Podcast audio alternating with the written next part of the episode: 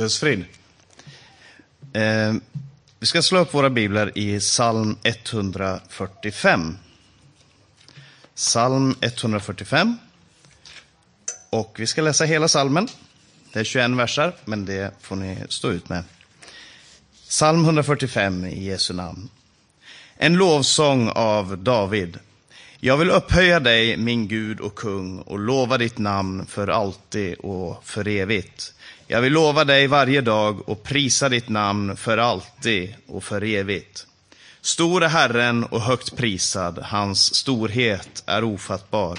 Släkte efter släkte prisar dina verk och förkunnar dina väldiga gärningar.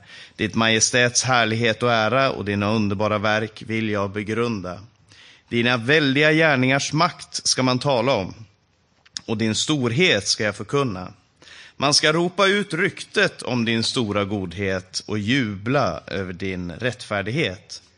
Herren är nådig och barmhärtig, sen till vrede och stor i nåd.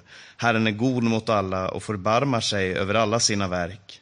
Herre, alla dina verk ska tacka dig och dina trogna ska lova dig. De ska tala om ditt rikes ära och förkunna din makt, så att människors barn lär känna dina mäktiga gärningar och ditt rikes ära och härlighet. Ditt rike är ett rike för alla evigheter. Ditt välde består från släkte till släkte. Herren är trofast i allt han säger och kärleksfull i allt han gör. Herren stöder alla som vacklar och reser upp alla nerböjda. Allas ögon hoppas på dig och du ger dem deras mat i rätt tid. Du öppnar din hand och mättar allt levande med nåd.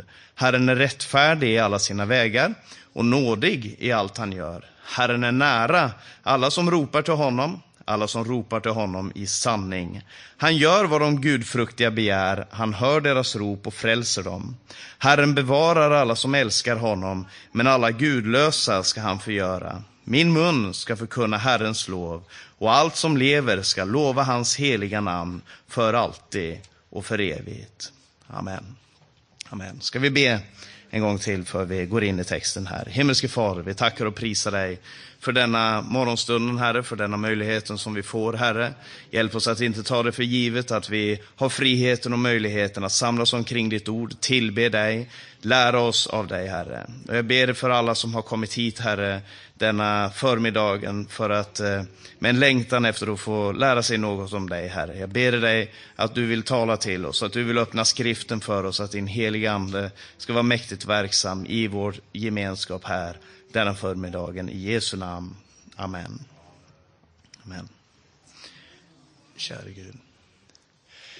Jag har under den sista tiden eh, lagt märke till någonting hos mig själv. Och det är väl eh, eh, som regel det som är svårast, att lägga märke till mönster hos sig själv. Men jag har tänkt på att jag väldigt ofta under de senaste åren har fäst mig vid, i mitt personliga bibelstudium, som också har speglat sig då i det jag har talat om, eh, har fäst mig vid uttryck i Bibeln som vi kanske nästan hoppar förbi eller som vi tar för helt givna för att de är så vanliga i Bibeln men så ovanliga i vårt dagliga samtal.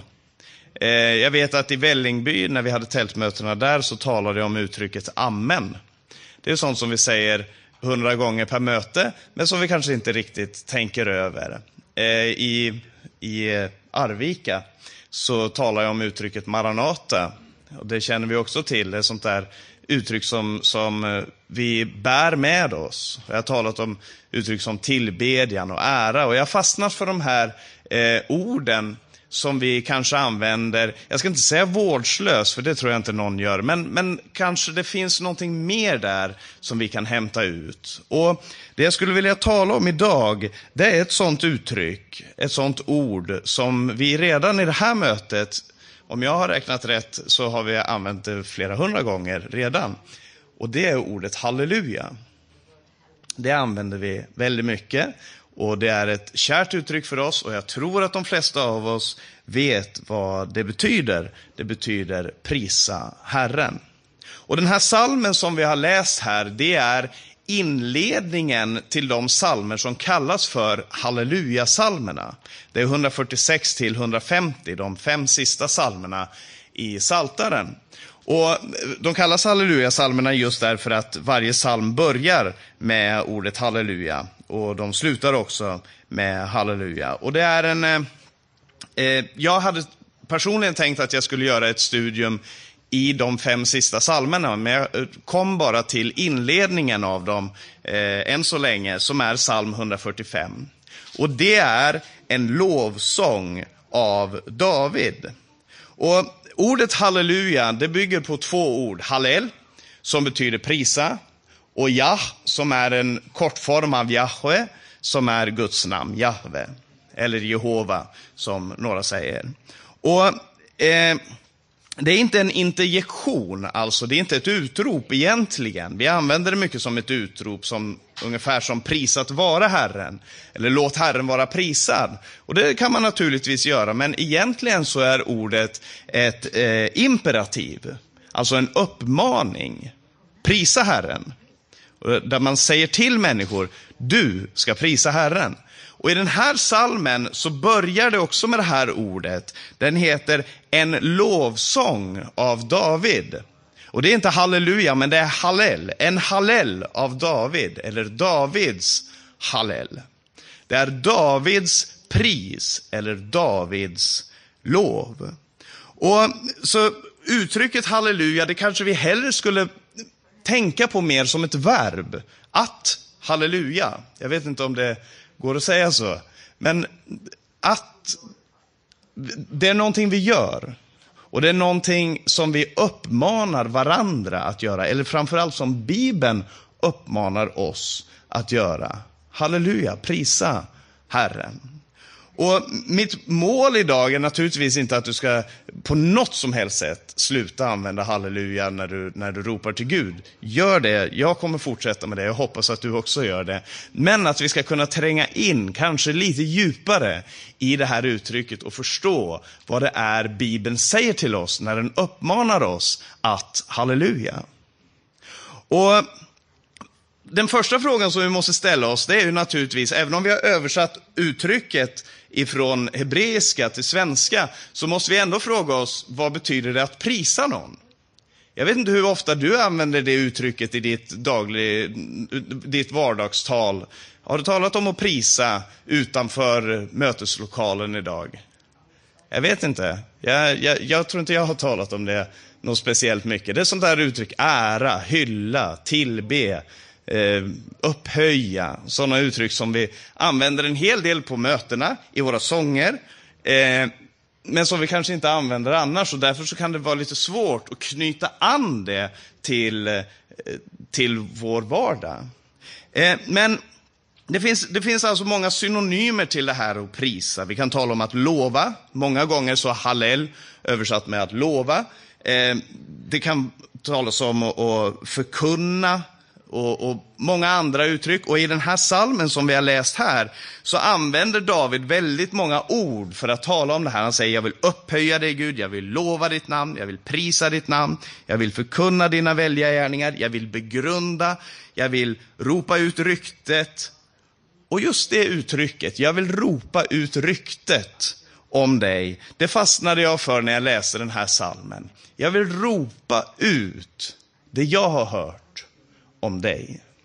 Det är vad det handlar om att prisa. Vi skulle kunna översätta prisa med att skryta. Det är när man talar om sig själv, eller hur? Och det är vi duktiga på.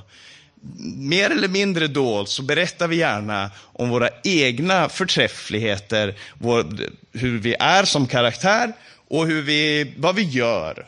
Och eh, vi berättar antingen med lite eh, tillägg för att eller uteslutande av vissa detaljer, så önskar vi att framställa oss själva i ett lite bättre ljus. Och eh, Det handlar om oss själva. Sen så kan vi tala med någon och prisa dem. Vad är det vi gör då? Då berömmer vi dem, eller hur? Vi berömmer någon. Det, fantastiskt det du gjorde där. Och det, det kan ju vara bra i måttliga mängder. Skryt är som regel bra i väldigt små mängder. Beröm, bra i måttliga mängder. Men när vi talar om andra, när vi, när vi ber talar berömmande ord om någon annan och framförallt när vi talar berömmande ord om Gud, då finns det faktiskt ingen ände på hur mycket vi borde tala. Han säger, jag vill lova dig varje dag och prisa ditt namn för alltid och för evigt. Inget stopp på det här ryktespridandet om Gud. Och eh, Det här uttrycket används i Bibeln inte bara om Gud, det används också om människor som man talar berömmande om. Du behöver inte slå upp det, men i Andra Samuelsboken kapitel 14 och vers 25 så står det om Absalom, eh, Davids son, att eh, han prisades för sin skönhet. Man, man talade lovord om honom för hans skönhet. Han var en vacker person. Och folk pratade om Absalom. Han är vacker. Och, eh, men när det handlar om Gud så handlar det om att vi ska tala, om du vill, stora ord om Gud. Att vi ska beskriva Gud. Att vi ska tala om honom för varandra. Det är det halleluja handlar om. Jag uppmanar dig, eller rättare sagt Bibeln uppmanar dig och mig att skryta om Gud. Tala till andra människor om Gud. Det är vad halleluja betyder. Se till att du talar med andra människor om Gud. Och eh, Vi kan ju tänka att ja, men, ja, men, när vi prisar Gud, är inte det någonting som jag gör när jag talar med Gud?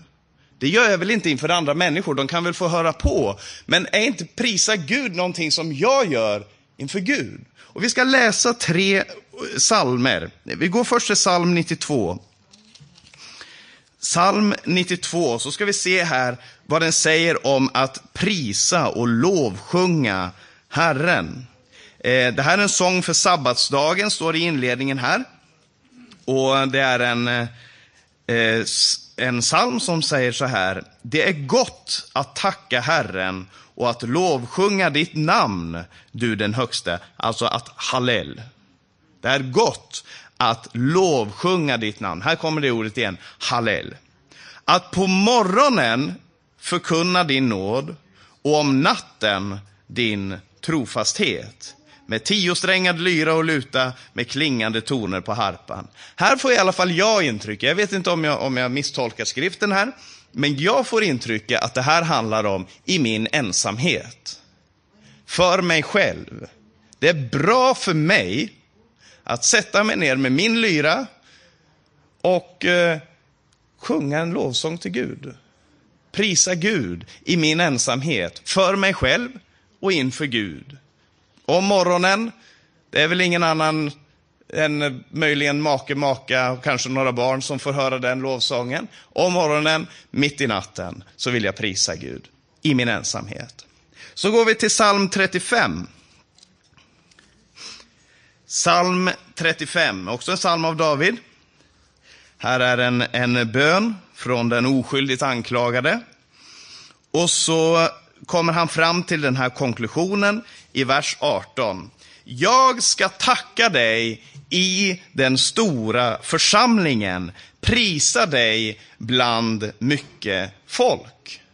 Jag ska tacka dig i den stora församlingen och prisa dig bland mycket folk. Och nu hade inte, när vi tänker församling så tänker vi det här som vi har just nu, eller vi tänker på, på Guds utvalda församling i tiden och så vidare.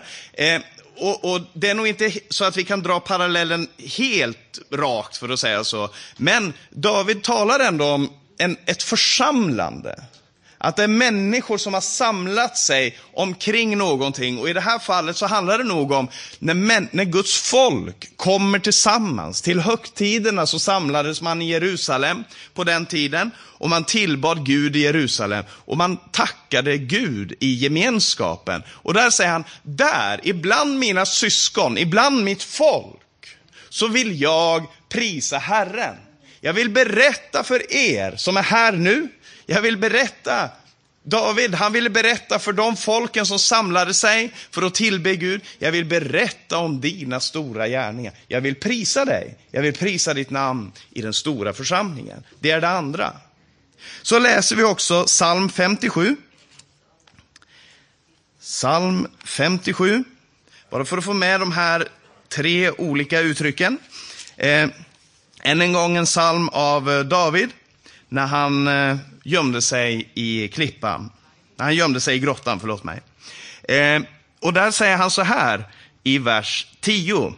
Jag vill tacka dig bland folken, Herre, lovsjunga dig bland folkslagen. Och här talar han om Gojim, här talar han om hedningarna, folken. Det är de som inte församlar sig i Jerusalem för att höra. Det är inte min familj som jag har närmast som får höra mig prisa Gud mitt i natten eller tidigt på morgonen och är lagom glada för det. Men det här är folken, de som inte har hört, de som inte känner, de som tillber andra gudar, de som inte har hört om Gud. Bland dem vill jag sprida ryktet om dig. Jag vill skryta om dig inför de här som tillber andra gudar eller som förnekar Gud. Jag vill skryta om, jag vill berätta om dig. Det är vad pris handlar om. Det är vad det betyder att prisa Gud, att halleluja. Och nästa fråga, hur ska vi prisa Gud? Vad är det vi gör när vi prisar Gud? Och här ska jag ta det väldigt enkelt. Var kreativ. Ta det du har. Gör det du kan. Den sista salmen, psalm 150, den börjar så, halleluja, prisa Gud. Och så börjar den att räkna upp olika instrument. Prisa Gud med lyra, med saltare, med harpa, med symbal, med det ena, med det andra. Och instrument är ju på något sätt själva sinnebilden av det bästa hos människan.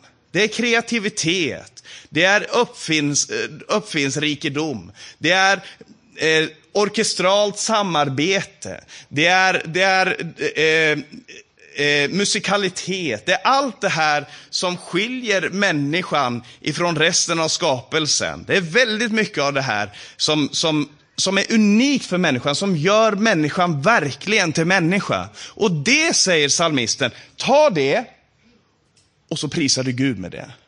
Istället för att prisa dig själv för att du är så duktig, eller för att du har designat ett så bra instrument, eller för att du är så, en sån virtuos, så ta det och så prisar du Gud med det. Det är tanken. Och så tar du det du har i ditt hem, det, så tar du det, de, det som du är bärare av, antingen genom naturliga talanger eller genom nådegåvor, det som Gud har gett dig. Och så låter du det bli ett pris till Gud. Låt det bli ett pris till din Herre och Frälsare. Det handlar om hemmet. På morgonen, på natten. Det handlar om i församlingen, när vi församlas, när vi kommer tillsammans och när vi är Herrens församling i vardagen. Det handlar om. Och det handlar om ute på torgen, ibland människor, på jobbet, i affären, var du än får möjligheten. Skryt om Jesus. Skryt om din Herre och Frälsare. Det här är det livet som vi är kallade till att leva. Det här är det livet som Gud önskar att vi ska leva. Att leva ut i kärlek. Att vårda, om, att vårda varandra, att förlåta varandra. Det är att prisa Gud. Att visa i våra liv vad Jesus har gjort för oss och vad Jesus kan göra för andra och väcka en hunger hos andra människor. Skryta om honom, för att väcka en hunger hos andra människor. Honom måste jag få möta. Nu är det väl lite ostrategiskt att göra det här precis innan maten, men om jag skulle börja beskriva den bästa lasagnen jag någonsin har ätit, så skulle det nog väcka hunger, åtminstone hos er som inte är vegetarianer. Det skulle väcka en hunger. Jag berömmer någonting som jag har fått uppleva. Och även om du inte har gjort den upplevelsen och det, min, min berömmelse är inte upplevelsen, så kan den dra dig. Så kan den dra dig och mig närmare den personliga upplevelsen. Min, mitt pris, min berättelse om vem Jesus är, den kan aldrig någonsin ersätta en personlig upplevelse. Men den kan väcka en hunger efter en personlig upplevelse. Och det är det Gud vill. Halleluja, prisa Herren. Och nu, nu är ju frågan den här varför vi ska prisa Gud också. Hur vi ska prisa Gud har vi talat om, vad det betyder att prisa Gud. Men varför ska vi prisa Gud? Eh, och, och, och, I psalm 145 så, så gör ju David eh, väldigt mycket av det här att han beskriver dels vad Gud är och dels vad Gud gör. Och det är det det handlar om, att berätta vad Gud är och berätta vad Gud gör. Här står det att Gud är kung i vers 1. Det står i vers 3 att han är stor, han är högt prisat, hans storhet är ofattbar. Det är hans karaktär. Och sen så står det släkte efter släkte prisar dina verk, dina väldiga gärningar. Det är vad han gör. Dina verk, han har skapat universum. Dina väldiga gärningar, det är många. Eh, och sen fortsätter han här och alla de här sakerna som han nämner i hela det här kapitlet kan antingen Kategorisera, så Jag tror inte David hade, vill att vi ska göra det egentligen. Han, han, det här är poesi. Han, han beskriver på ett levande och poetiskt sätt och det ska man inte försöka kategorisera. Men om vi nu gör det, så kan du kategorisera allt det han säger här som antingen det Gud gör eller det Gud är. Han gör, han öppnar sin hand, han mättar allt levande med nåd. Det är vad han gör. Han är rättfärdig i alla sina vägar. Han är nådig i allt han gör. Det är den han är. Herren är nära. Han gör vad de gudfruktiga begär. Han hör deras rop. Det är vad Gud gör. Och han börjar i det stora, hans underbara verk. Och så går han ner på det personliga och så säger han, han mättar. Han hör. Han vårdar. Han tar hand om. Och David han, han flyttar från det här stora, väldiga perspektivet, som är fantastiskt, ner på det väldigt, väldigt nära perspektivet. Och kanske du tycker att det här är lite abstrakt. Vad, vadå? Vad, vad, ska jag, vad är det jag ska göra? Ska jag gå ut och berätta att Gud gör stora gärningar? Ja, det ska du göra. På, på, pingst, på pingstens dag så gick de ut. När anden hade fallit över församlingen så gick de ut och de talade om Guds väldiga gärningar. Guds väldiga gärningar. Och jag skulle vilja byta takt här lite grann. Eh, flytta oss från det här och tala om att prisa Gud och så gå in lite närmare på varför vi ska prisa Gud. Men ni ser ungefär lika svettiga ut som jag känner mig. Kanske vi ska, och, och sånt har lätt för att och, och göra att man blir lite trött. Kanske vi ska sjunga en sång, en liten kör. Eh, få lite hjälp med musiken här framme. Så sjunger vi den här. Eh, sjung halleluja, sjung till Herrens pris. Får gärna komma och hjälpa mig med sången också. Så blir det inte så illa som det kunde ha varit. Lena och säkert fler. Vi sjunger den här, sjung halleluja, sjung till Herrens pris.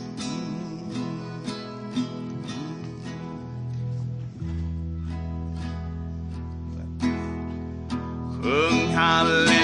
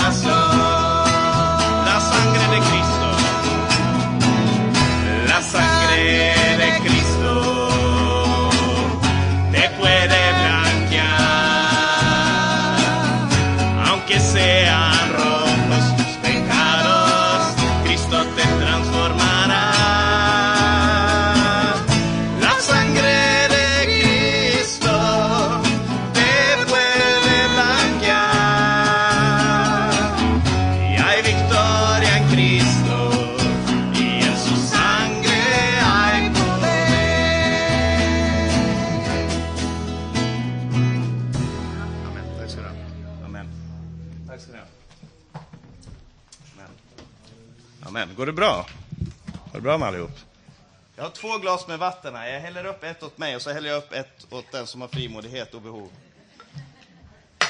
Sådär, varsågod.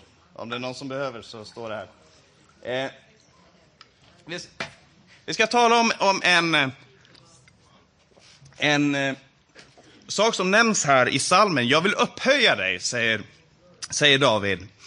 Och eh, i andra Mosebok 15 vers 1, du behöver inte slå upp det, eller vi slår upp det, det vi har tid. Nu är det bibelstudium.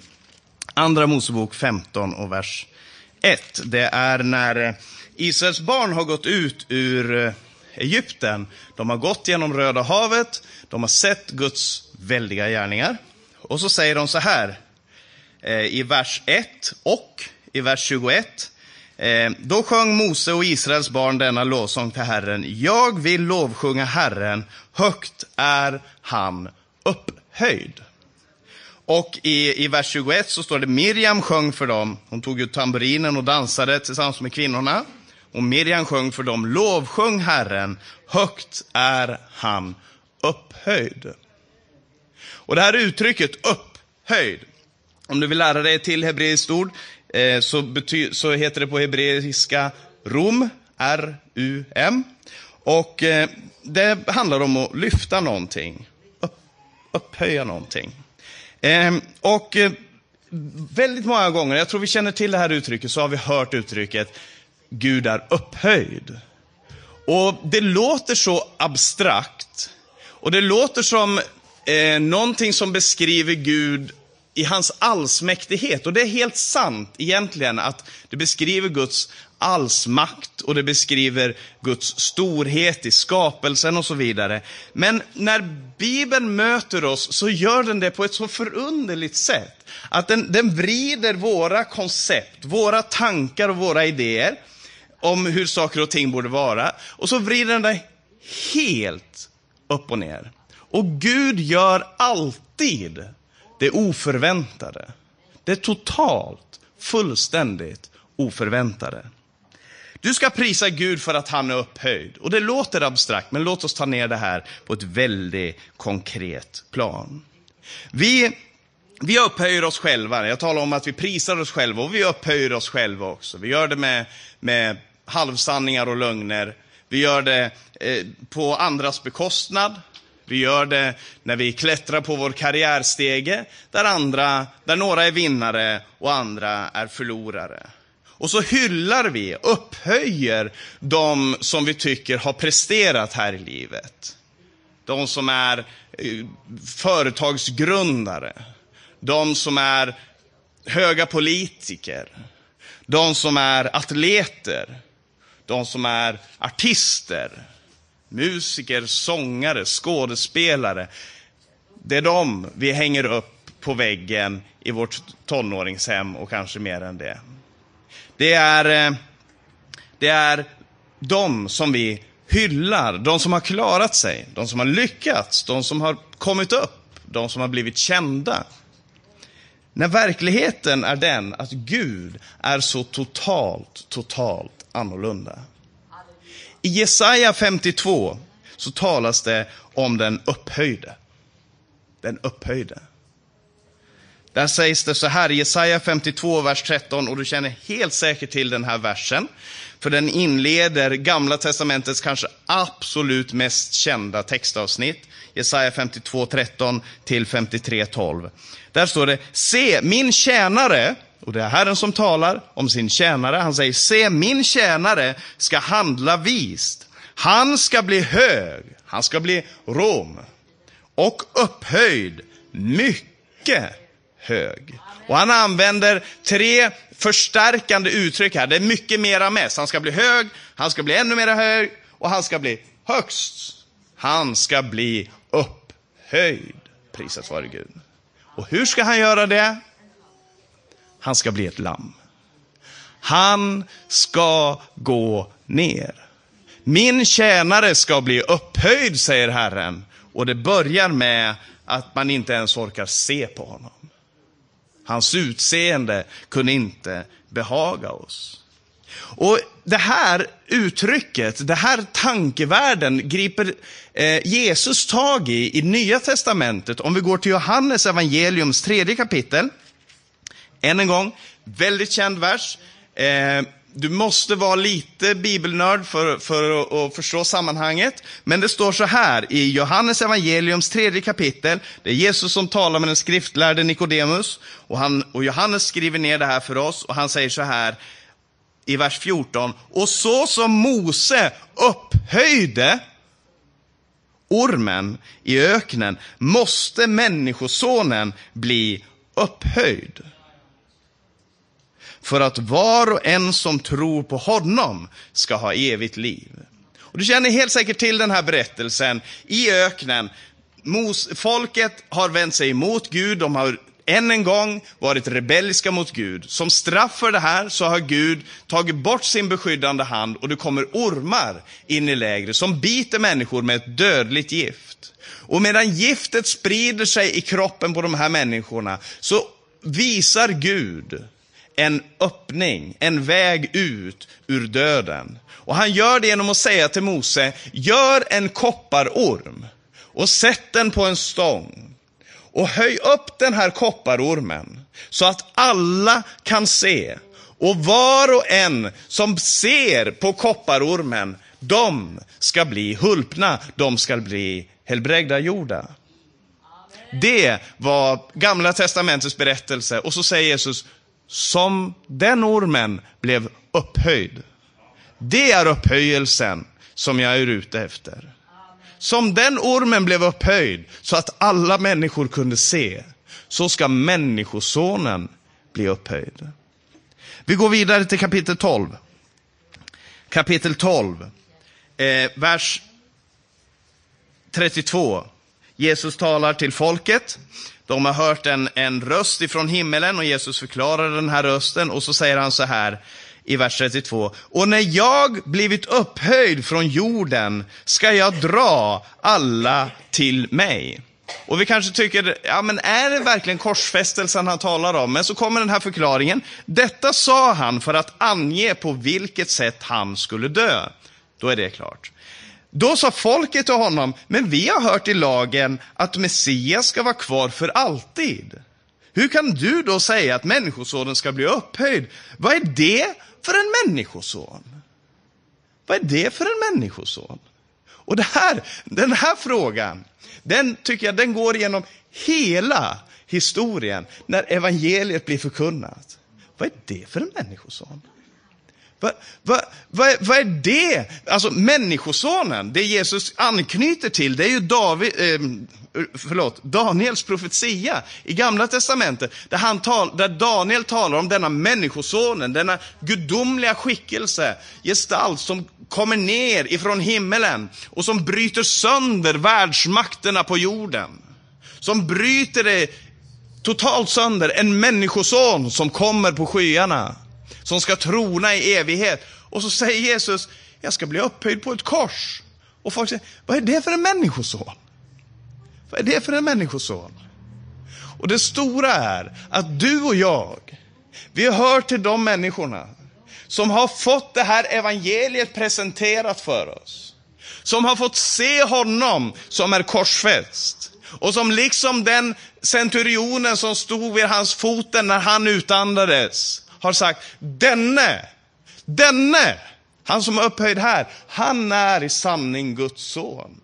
Är det sant? Halleluja. Du, du och jag, vi är bärare av den här sanningen och det är ryktet vi ska sprida. Det är ryktet som Gud vill att vi ska sprida. Församlingens funktion i ändens tid. Sen den dagen då anden föll har församlingens funktion varit den här. att sprida detta ryktet om hans upphöjdhet. Var då? På ett kors. Som är så kontraintuitivt. Som är så mot alla världsliga makters tankar och idéer. Det är inte, som jag sa i, i Jövik för er som var där, det är inte Machiavellis fursten. Det är inte Nietzsches Übermensch. Det är Jesus Kristus upphöjd på ett kors. Det är han som vi tillber. Det är honom som vi tillber. Och människor hade förväntningar på, på Människosonen. Men Jesus han bryter sönder alla våra förväntningar och visar någonting så mycket större. Och vi ska till slut gå till Johannes uppenbarelse. Jag säger till slut, jag ska hålla på några minuter till, bli inte för irriterade. Johannes uppenbarelse, femte kapitlet. Och där ska vi läsa en av de mest fantastiska texterna i hela Bibeln. Jag säger inte det, det är inte ett ord jag tar i min mun lätt. Jag tycker verkligen det här är en av de absolut mest fantastiska verserna i Guds ord. Här står det om en som sitter med en bokrulle i handen. Och vi, vi, vi går in i en symbolik och ett symbolspråk här som jag hoppas att du har möjlighet att, eh, att tränga in i. Men en som sitter med en bokrulle, det är ett köpebrev. Det är vem som är värdig. Den som är värdig att öppna den här bokrullen, han är värdig att ta emot priset. Han är värdig att bli prisad. Och jag frågade, varför ska vi prisa Gud? Varför är Gud värdig vårt skryt? Vår ära, vår tillbedjan, vår hyllning. Varför är han värdig?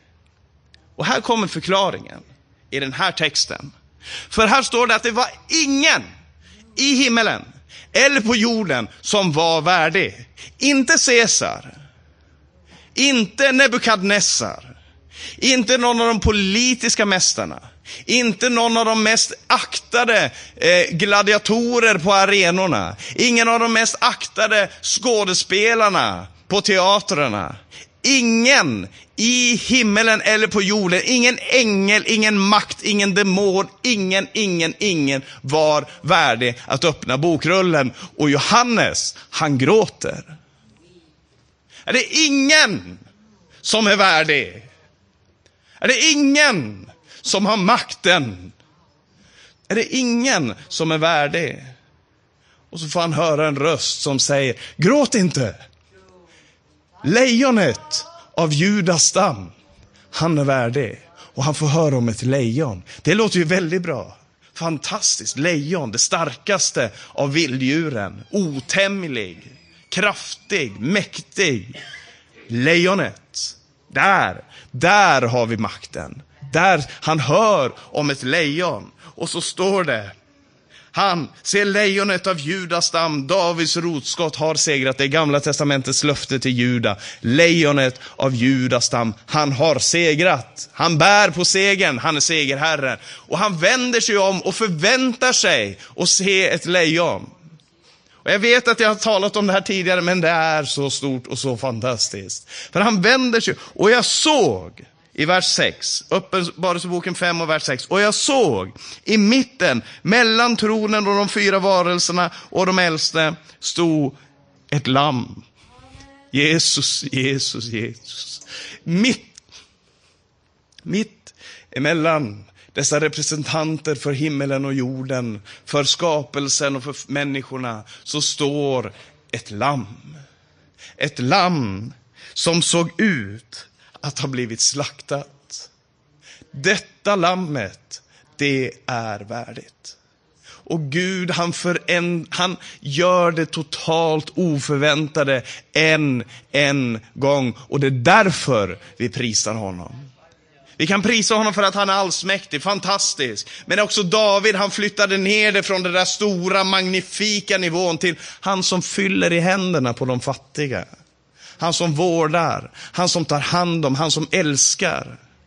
Och han, det är honom vi prisar och tillber. Vill du veta varför du ska prisa Gud? För att han är lammet som blev slaktat. Och så står det så här i den nionde versen. Och de sjöng en ny sång. Här är en ny sång. Den här sången har aldrig sjungits förut. Den här sången kan bara sjungas av de som har förstått vad det här handlar om. Och de prisar Gud med en ny sång. Och de säger, du är värdig att ta bokrullen och bryta dess sigill. För du har blivit slaktad. Hans upphöjelse på ett kors, det är grunden till att du och jag prisar honom. Du är värdig och med ditt blod har du friköpt människor åt Gud av alla stammar och språk och länder och folk. Du har gjort dem till ett kungarike och till präster åt vår Gud och de ska regera på jorden. Och så står det att eh, i den trettonde versen kan vi läsa, och allt skapat, allt, allt, allt, allt, allt skapat, i himmelen och på jorden och under jorden och på havet och allt som finns i dem hörde jag säga. Det här är bekännelsen som kommer från allt. Det är priset som kommer ifrån allt. Honom som sitter på tronen, honom och lammet tillhör lovsången. Honom tillhör lovsången och äran och härligheten och makten i evigheters evigheter. Och, alla de, fyra, och de fyra varelserna sa Amen. Och de äldste föll ner och tillbad. Prisat vare Gud. Väcker det här någonting i dig? Väcker det en längtan i dig efter att bli bättre på att halleluja? Väcker en längtan i dig efter att bli bättre att prisa Gud?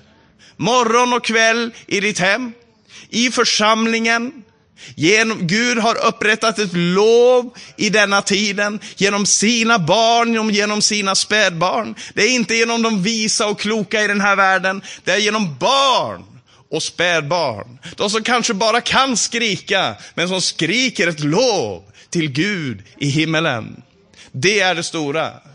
Vi är inte utvalda för att vi är så stora, vi är inte utvalda för att vi är så fantastiska. Vi tillber vår kung. För att han har ett folk som inte är ett folk av perfekta människor, men som är ett folk av förlösta människor. Förlösta ifrån synden. Förlösta ifrån allt, förlossade ifrån allt som hör till denna världen. Så förlossade att i det ögonblicket som han kommer tillbaka så står det, de ska ryckas upp då finns det ingenting längre som håller detta folket tillbaka. De ska ryckas upp på skyn Herren till mötes. Det är församlingens funktion i denna tiden. Att prisa honom. Att berätta om honom. Sprida ryktet om honom. Prisat vare Gud. Jesus skapar en helt ny släkt. Ett helt nytt folk. En, han kallar det för sin församling. Denna församling som är manifesterad eh, som den universella församlingen, men som framförallt är manifesterad som syskon, du och jag på plats, som tillber Gud där vi är. I vårt hem, i vår församlingslokal, ute på torget, i, i, vart det än är, så tillber vi Gud i gemenskaper. Han har upprättat ett lov genom sin församling. Han skapar en ny släkt som härskar, liksom Jesus härskade. Hur då? Genom att tjäna. Hans härskande du, han är en kung med en krona. Vad är det för en krona? Det är en törnekrona. Han är en kung med en spira. Vad är det för en spira? Det var den som hans hånare satte i hans händer när de slog honom och sa, berätta, vem var det som slog dig? Han är en konung över de hopplösa, över dig och mig. Han är upphöjd. Vart är han upphöjd? På en mäktig tro. Han är upphöjd på ett kors. Prisat vare Gud. Han är lammet som blev slaktat. Och det tecknet på att han blev slaktad, det ser till och med Johannes när han skådar in i evigheten. Han ser ut som han var slaktat, men det lammet, det ligger inte ner, det lammet, det står. Han har vunnit seger. Det är, det är vår pris. Det är vår lovsång. Det är vårt tack i evigheten. Detta är det som de sjunger i all evighet. Du är värdig, för du blev slaktad. Och du vann åt dig folk, människor ur alla folkslag, ur alla tungor, alla etniska grupper, all, allt, allt. Så har du vunnit dig ett folk. Och detta folket ska prisa dig i all evighet. Så vad handlar det här om? Till slut.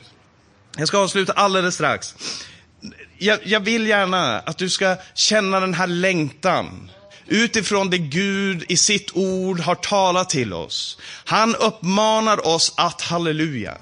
Han uppmanar oss att halleluja. Och jag vill att du och jag ska känna den här längtan efter att bli bättre på att halleluja. Bli bättre på att prisa honom, berätta om honom.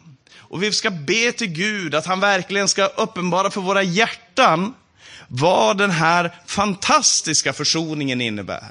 Att vi har en konung upphöjd på ett kors. Det var det här som, som svenska folket, länge före det kallades ett svenskt folk, hade så svårt för att acceptera.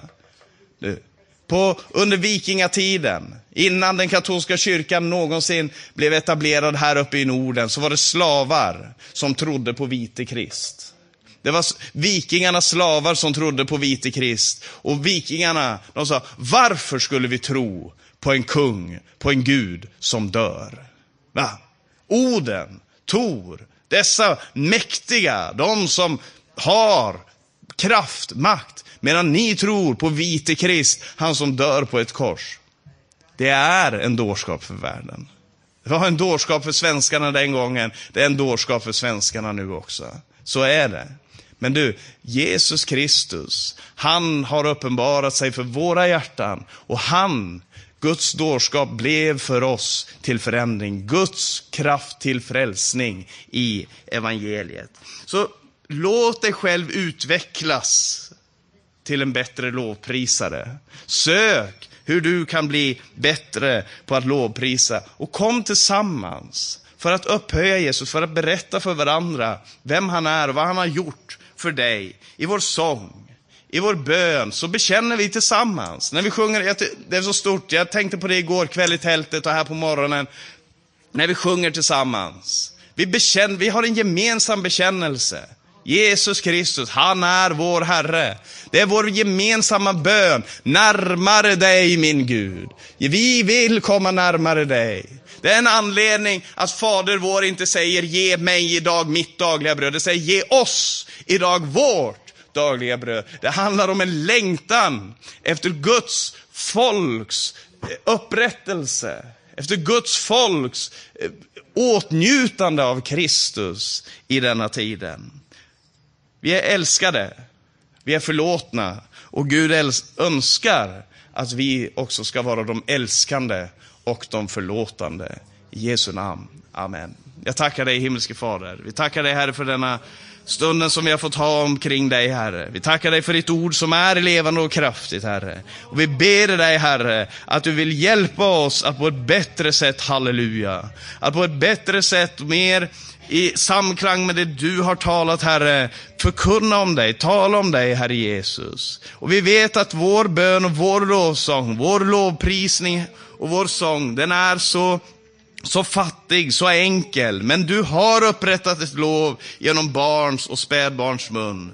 Jag ber dig, Herre, att du vill gripa tag i var och en här i församlingen idag, som är dina barn och dina spädbarn. Att vi får ropa ut ditt namn, sprida ryktet om dig, jubla över din frälsning. Ber dig att du vill genom din församling i denna yttersta tiden, Herre, tala till oss och tala till människor genom oss. Använd oss, Herre Jesus. Gör oss brukbara för ditt rike. Fyll oss med ödmjukhet, Herre. Fyll oss med dig själv. Jag ber dig i Jesu Kristi Nazarens namn. Halleluja.